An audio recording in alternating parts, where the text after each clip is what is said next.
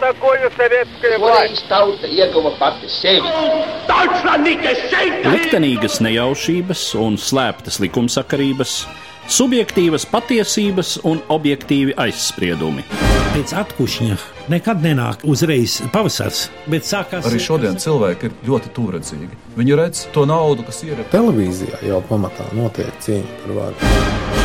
Pagātne no šodienas skatu punkta un šodienas caur pagātnes prizmu. Raidījumā šīs dienas acīm. Latvijas radio eterā Eduards Liniņš. Labdien, cienījamie klausītāji! 1919. gada janvārī Versaļā pie Parīzes savu darbu sāka miera konference, kura bija domāta, lai izveidotu pasaules iekārtojumu pēc Pirmā pasaules kara. Konferencē ieradās arī Latvijas pārstāvi un par to, kā tad veicās latviešiem šai valstu fórumā mūsu šodienas saruna. Un mans sarunbiedrs studijā vēsturnieks Ainārs Lerhis. Labdien! Labdien!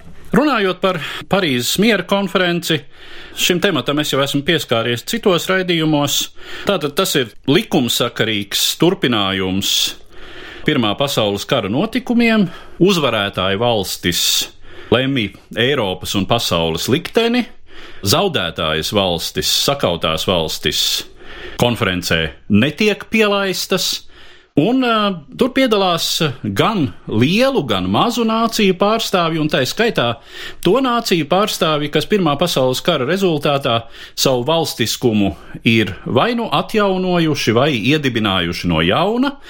Un, kā jau es teicu, Latvijas delegācija arī dodas turp. Tā ir Latvijas pagaidu valdības delegācija. Un uh, pirmais jautājums - kas ir tie cilvēki, kuri tur pārstāv Latviju, kāda ir viņu līdz tam pieredze. Faktiski kāds ir tas, ja mēs to tā varētu saukt, ārpolitiskais un diplomātiskais resurss, kas tajā brīdī ir Latvijas pagaidu valdības rīcībā? Latvijas pagaidu valdības rīcībā pirmie darbinieki, kas sāka nodarboties ar ārlietu sfēru, faktiski mēs varam arī šo Parīzes miera delegāciju uzskatīt kā vienu no sastāvdaļām Latvijas ārlietu resora attīstībā, tūlīt pēc 1918. gada 19. novembra, kad Zikfrīds Anamērovics tika apstiprināts par ārlietu ministru. Tā bija jauna sfēra latviešiem, jo kamēr nebija neatkarīgas valsts, tikmēr oficiāli vismaz nevarēja būt diplomāti un līdz ar to arī veidoties pieredze šai jomā. Pirmie dalībnieki un darbinieki, kas bija tātad jau minētais ārlietu ministrs Meirovics, tālāk arī Tautas padomas priekšsēdētājs Jānis Čakste devās uz Parīzi, tālāk arī vairāki darbinieki no agrākās Latviešu pagaidu nacionālās padomas, ir īpaši jau Jānis Seskis, kas bija kādreiz Latviešu pagaidu nacionālās padomas ārlietu nodaļas sekretārs, tika piesaistīti dažādu nozaru speciālisti, statistiķi, Marģers Skujnieks, piemēram, tāpat arī ekonomisti, juristi, nu šeit pēc uzvārdiem var nosaukt, teiksim, Brēmers un Skubiņš, Grišāns, Latgales lietu jautājumos speciālists. Tāpat tika meklēt arī latviešu pārstāvji no citurienes, pat, teiksim, savā laikā tika delegācija piesaistīts arī tālu austrumu latviešu pārstāvs Valdemārs Salnājs un arī Kārlis Ozols no Amerikas Savienotajām valstīm. Tas jau bija vēlāk, jo tie cilvēki, kas bija ar, ar zināšanām, kas bija ar politiskā darba pieredzi, varbūt ne tik daudz specifiski diplomātiskā darba pieredzi, kā ar politiskā darba pieredzi, sabiedriski politiskā, līdz ar to bija informēti par līdzīgiem jautājumiem, lietu kārtību pasaulē un tā tālāk. Tad bija dažādu nozaru speciālisti, vairākos gadījumos bija pārstāvi, kas pēc 1905. gada revolūcijas bija atstājuši vai bijuši spiesti atstāt Latvijas teritoriju un emigrēt uz Rietumu Eiropu vai uz Amerikas Savienotām valstīm, bet izmantojuši šo laiku ļoti liederīgi, studēdami attiecīgo ārvalstu universitātēs, uzkrādami zināšanas, kas vēlāk lieta noderēja Latvijai nodibinot neatkarību piektgadnieku studijas Rietumē Eiropas universitātēs, darbība, kas saistījās ar Latviešu pagaidu Nacionālās padomes ārlietu aktivitātēm, bet kur, teiksim, tiešām tāda nekad savu valstiskumu neveidojusi jauna nācija varēja ņemt šos intelektuālos resursus. Es domāju, tas arī līdzīgi sabiedriski politiskā darba pieredze, tā pašā laikā arī Pirmā pasaules kara laikā bēgļu komitejās Krievijā. Tas ir tāds tīri sabiedriski politiskais darbs, organizatoriskais darbs, kas deva pieredzi. Un tā tad jau minētās universitātes, kas varbūt deva arī šo teorētisko bāzi. Tāpat bija Rietuma Eiropā jau Pirmā pasaules kara laikā vairāki, tīpaši Šveicē, bija informācijas biroji. Tas jau bija vēlāko sūtniecību aizsākums. Daži bija uz privātiem pamatiem, vēlāk Stokholmā jau izveidojās Latviešu pagaidu Nacionālās padomas pakļautībā informācijas birojas, piemēram. Tā kā tiešām šī praktiskā darbība, mēģināt kaut kā koncentrēt tos latviešu darbiniekus, kas bija pieejami, kas darbojās ārzemēs, kuri paši bija izrādījuši jau savā līdzšanājā sabiedriskā darbā aktivitāti un ieinteresētību latviešu tautas interešu sfērā. Un līdz ar to, tad, kad notika Latvijas valsts pasludināšana, tad arī šādi cilvēki savstarpēji kontaktējās, ja viņus meklēja, atrada arī ārvalstīs un pamazām koncentrējās viņi vienotam darbam. Droši vien arī tāds tīri praktisks dabas jautājums, kas varētu interesēt šai sakarā, kā tad uh, Latvijas pagaidu valdība ar toreiz savām visnotaļ ierobežotajām iespējām materiāli nodrošināja šīs delegācijas darbu, cik tas viss maksāja un kur šie līdzekļi tika ņemti. Finanses jautājums bija viens no tādiem sarežģītiem jautājumiem. Tas mums, laikam, vispār Latvijas vēsturē vienmēr ir diezgan sarežģīts. Vienmēr visiem šķiet, ka finanses nepietiek, bet Pirmā pasaules kara beigu situācijā un jaunā pagaidu valdībā bija šie līdzekļi ļoti nelieli.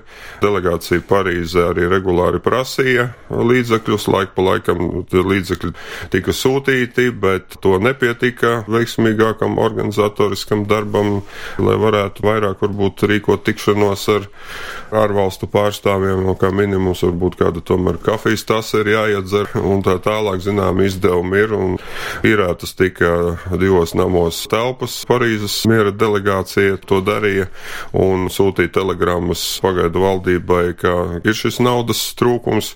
Faktiski arī šo sos, tā teikt, telegrammu sūtīšana jau pat pa sevi arī maksā kaut kādu naudu. Tad arī aizņēma saņēmās daļu līdzekļu no citu valstu delegācijām, kas bija Parīzē, bet nu, drīz tur vajadzēja to naudu atdot. Bija tādas dienas naudas paredzētas delegācijas pārstāvjiem vismaz. Bet kopumā šis naudas trūkums regulāri par sevi atgādināja vēstures literatūrā Ir minēts arī fakts, ka tas bija kļuvis zināms pat Parīzes rēvijās, kur esot apdziedāts apmēram tāds teksts, ka latviešiem nesot naudas. Tā kā šis jautājums bija visai sarežģīts, bet tomēr iespēja robežās delegācija turpināja eh, darbību. Tā tad eh, pašsaprotamais naudas trūkums, bet eh, runājot par iespējām šai miera konferencē, nu vēl būtiskāks jau ir tas jautājums, kāds bija tas, nu, ja mēs tā varētu teikt, reputācijas vai valsts renomē kapitāls, kā latvieši vispār sevi šai miera konferencē pieteica, un līdz ar to, kā viņi tur tika uztverti, gan no diplomātiskā statusa viedokļa, starptautiski tiesiskā statusa viedokļa, gan arī faktiski. Vispirms jau nedēļu pirms Latvijas valsts nodibināšanas, kā mēs zinām, 1918. gada 11. novembrī Britu ārlietu ministrs Lords Belfūrs rakstveidā savā vēstulē apliecināja, ka Lielbritānijas valdība atzīst Latvijas pārstāvu šo reprezentatīvo iestādi par Latvijas pārstāvjiem līdz tam brīdim, kamēr starptautiska miera konference tālāk izšķirs Latvijas likteni. Tātad it kā viens jau tāds vienas lielvalsts atzinums, ko Latvijas pārstāvji tradicionāli pēc tam uzskatīja par Latvijas de facto atzinumu, tātad bija pirmajā diplomātiskajā kontaktā savā laikā Zikfrīds Anamērovics savādāk sākumā vēl nekā ārlietu ministrs, bet gan kā Latviešu pagaidu Nacionālās padomes pārstāvis bija jau kontaktējies ar Lielbritānijas un vairāku citu valstu pārstāvjiem, tāpat Latvijas pagaidu Nacionālās padomjas ārlietu nodaļa to bija darījusi vēl savā laikā Sanktpēterburgā un tā tālāk. Tā kā pirmie šie kontakti bija, uz kaut ko jau nedaudz varēja balstīties. Tad, kad delegācija 1919. gada janvāra otrajā pusē devās uz Parīzi, Latvijas pagaidu valdība lēmumu par delegācijas sastāvu pieņēma 1918. gada decembra beigās, vēlāk šis sastāvs vairāk kārt mainījās.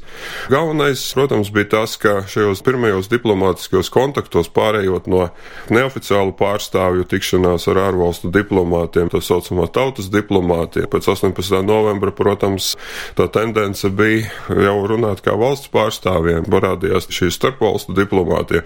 Un, protams, ka bija jāsāk ar no mūsdienu viedokļa un arī no tā brīža situācijas, kā varam vērtēt no elementārām lietām, skaidrot, kur vispār tāda Latvija atrodas, kāds ir viņas dažāda veida resurss, kas Latvijā dzīvo, kādi iedzīvotāji apdzīvo Latviju, kādas ir Latvijas intereses, ko latvieši vēlas un tā tālāk. Nu, visas galvenās lietas jāskaidro, kas varbūt mums vai arī, teiksim, tajā laikā Latvijas pārstāvjiem pašiem liktos pašsaprotamas, bet to visu bija vajadzīgs definēt, formulēt un saprotamā veidā izskaidrot rietumu lielvalstu pārstāvjiem. Tad sākot ar pašām, it kā no mūsu viedokļa skatoties, elementārākiem lietām, sākt iepazīstināt par to, kas vispār Latvija ir.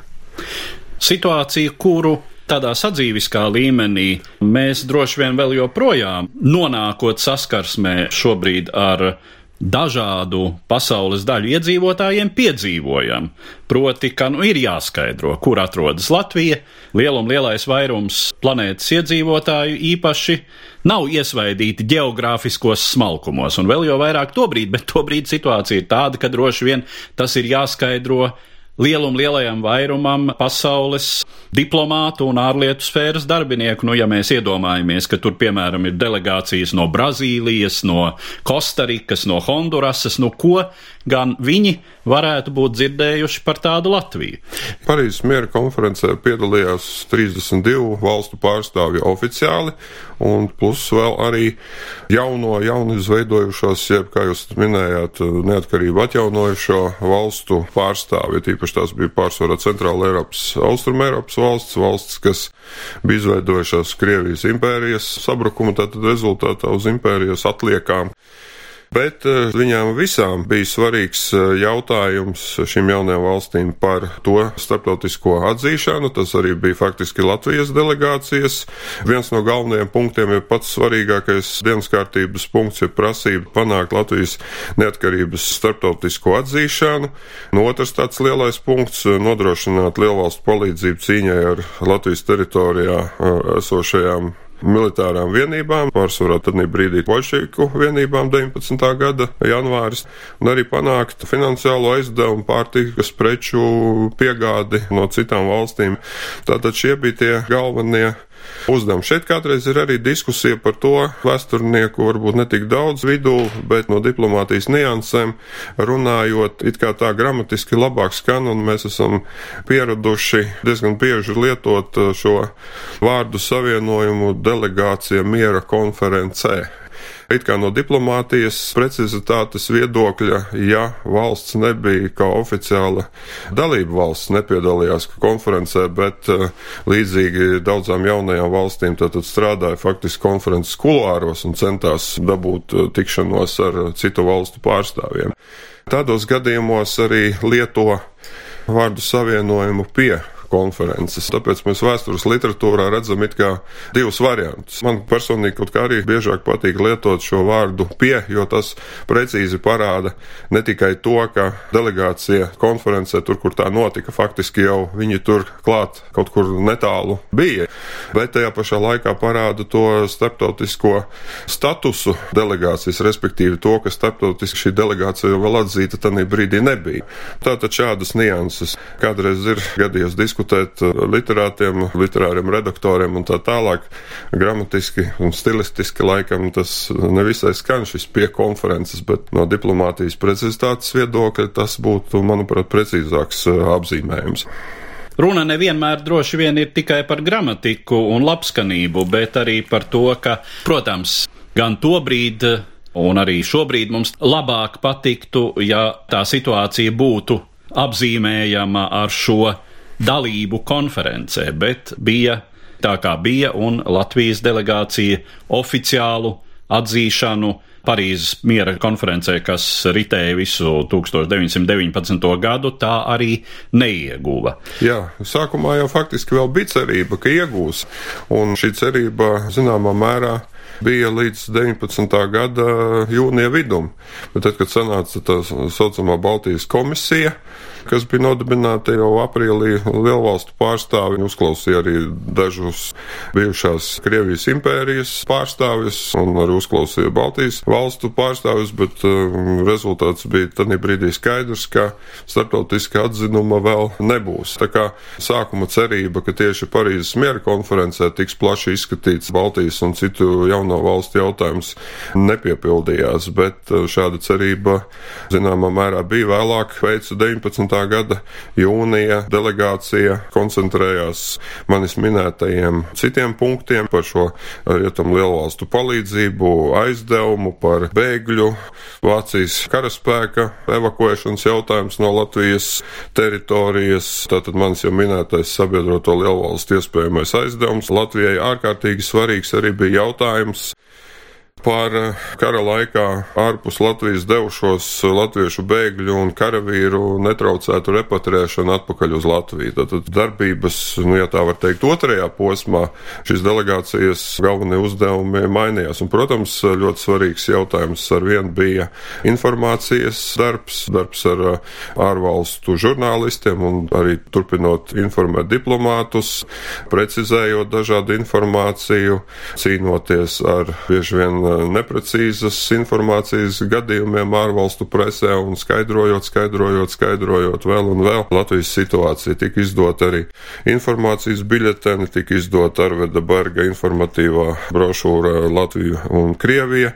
Tāpat arī jauno valstu starpā, kuriem bija līdzīgas intereses, tātad tika arī nodibināti kontakti un runāts par šīm valstīm savstarpēji aktuālām problēmām.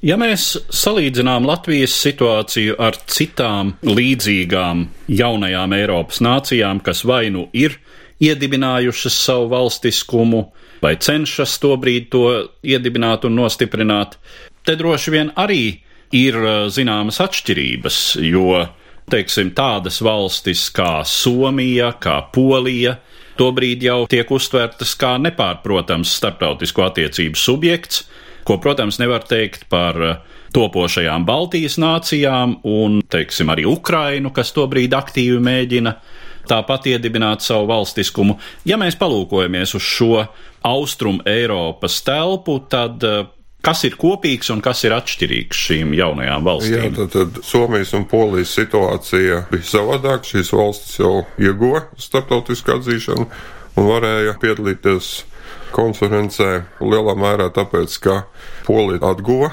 neatkarību Tāpat arī Polijas vārds bija minēts Amerikas Savienoto Valstu tālaika prezidenta Vudro Vilsona. Tā saucamajos 14 punktos, kur viņš arī runāja par nāciju pašnoteikšanās tiesībām. Somijas situācija arī bija salīdzinoši. Tur bija skaidrāk arī rietumu valstu pārstāvjiem par nepieciešamību atzīt eh, Somijas neatkarību. Pirmkārt, sāksim jau to, ka Somiju jau atzina, tā bija padomju valdība, bet nu 17. gada decembrī pasludināto Somijas neatkarību, drīz pēc tam arī atzina padomu Krievijas valdība. Bet, man liekas, netik daudz varbūt šis fakts, bet uh, tas, ka Somijai arī agrākās cariskās Krievijas impērijas sastāvā bija lielāka autonomija nekā pārējām teritorijām, kas tagad bija kļuvušas par jaunām valstīm. Smagāka situācija no atzīšanas, eh, jeb iespējamās atzīšanas viedokļa bija tieši tām jaunajām valstīm, kas vēlējās, tā teikt, arī juridiski pilnībā atdalīties no agrākās Krievijas impērijas. Salīdzinoši tomēr vieglāka situācija bija tā valstīm, kas bija radušās uz Vācijas un Austro-Ungārijas impēriju drupām. Tur šis jautājums uh, risinājās ievērojami vieglāk, bet tieši no rietumvalstu puses, no Francijas tradicionālās Krievijas sabiedrotās līdz šim arī, tā skaitā, Pirmā pasaules karā, no Lielbritānijas puses ļoti ilgi tika nogaidīts, kas tad īsti notiks Krievijā, lai, teiksim, kaut kādā veidā arī pāragri kaut kā nemēģinātu Krievijai nelabvēlīgi, teiksim, risināt šo jauno valstu jautājumu, jo nebija skaidrs, kāda būs attīstība Krievijā. Varbūt pēc pāris gadiem atjaunojas līdzīga kā iepriekšējā iekārta Krievijā. Nu, nebija skaidrs Krievijas tālākā attīstība un, un virzība. Tātad rietumu valstu nostāja tieši no Krievijas atdalošos jauno valstu jautājumā bija ievērojami komplicētāka, un līdz ar to pierādījās tas, ka neskatoties uz to, ka Vudro Vilsons bija runājis par nāciju pašnoteikšanās tiesībām un starptautiskā arēnā Pirmā pasaules kara beigās, tas bija viena no populārākajām tēmām.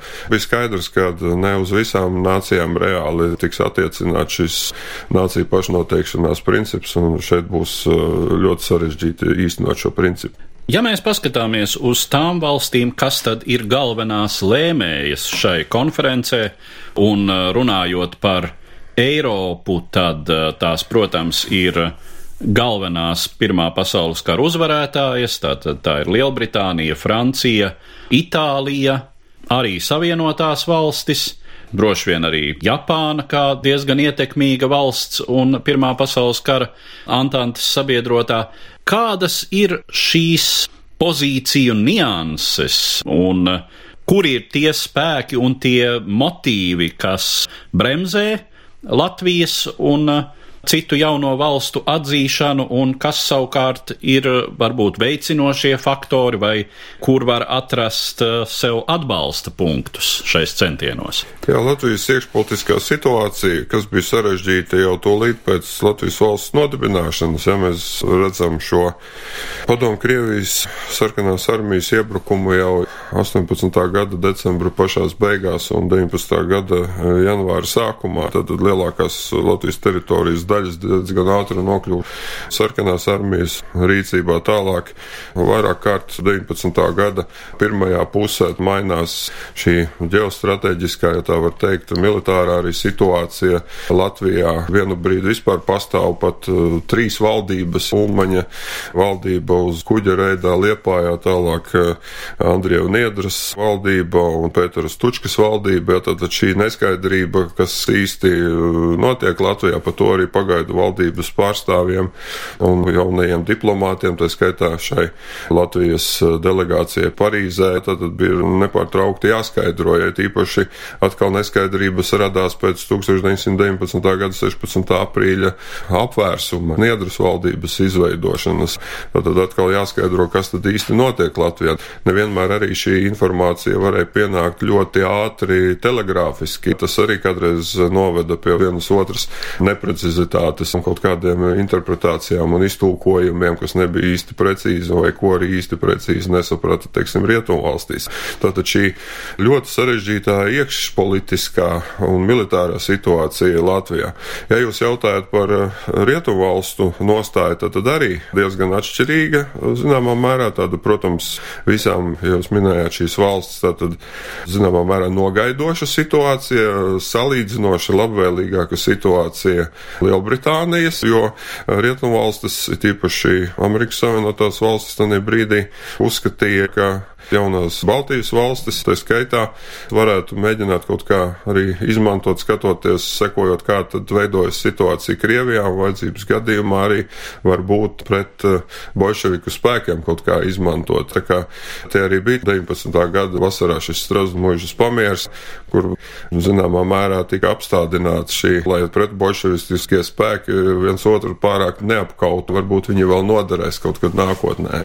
Tātad Amerikas Savienoto valstu nostāja nostāja tajā brīdī vis tāda nogaidošākā šajā ziņā. Lielbritānija zināmā mērā var būt labvēlīgāka te arī vienmēr ir tas jautājums par to 18. gada novembrī, kā bija pēdējās nedēļas, kad reāli darbojās Latviešu pagaidu Nacionālā padome, ko tad īstenībā tomēr 11. novembrī atzina tieši tā bija tā, ko atzina Lielbritānija. Ne jau Ulmaņa un viņa piekritēji un partiju pārstāvi nedaudz vēlāk veidotā tautas padome. Nu, un, ja tā būtu gribēts pieiet tīri formāli tai lietai, Angļi varbūt būtu varējuši pateikt, bet mēs taču atzinām Latviešu pagaidu Nacionālo padomu, kas to tautas padomu mēs nepazīstam. Tas nemainīja tomēr vienas padomas nomaiņa ar otru padomi. Zināmā mērā var teikt Latvijas interesēm vai Latvijas pagaidu valdībai vēlāk, teiksim, laimīgā veidā neizmainīja Lielbritānijas nostāju. Sarežģīta bija no arī nostāja, un Parīzē bija mēģinājumi tikties tieši ar Francijas vadītājiem un jauno valstu pārstāvjiem, viena īsa tikšanās arī bija, bet, nu, jāņem vērā arī, ka kaut kāds zināms sentiments Parīzē un vispār Francijas augstākajās militāra politiskajās diplomātiskajās aprindās arī nogaidoši Krievijas jautājumā. Tad, tad Francijai jau ir zināmā mērā varbūt arī drusku tāds sentiments kaut kur attiecībā uz Krieviju, ja, un tomēr jāņem vērā, ka šī Antantas valstu sadarbība lielvalstis Pirmajā pasaules kara laikā, ja Lielbritānija, Francija, Krievija, tie ir ilgstoši sabiedrotie, ja kā minimums no 1907. gada. Līdz ar to tas ir arī jāņem vērā. Situācija mainīsies, kā mēs zinām, 20. gada pašās beigās, 21. gada janvārī, kad vēlāk arī sekos Latvijas starptautiskā de jūrē atzīšana, bet 19. gadā tātad šie visi faktori vēl bija jāņem vērā, un tā situācija ļoti lēni attīstījās Baltijas valstīm par labu.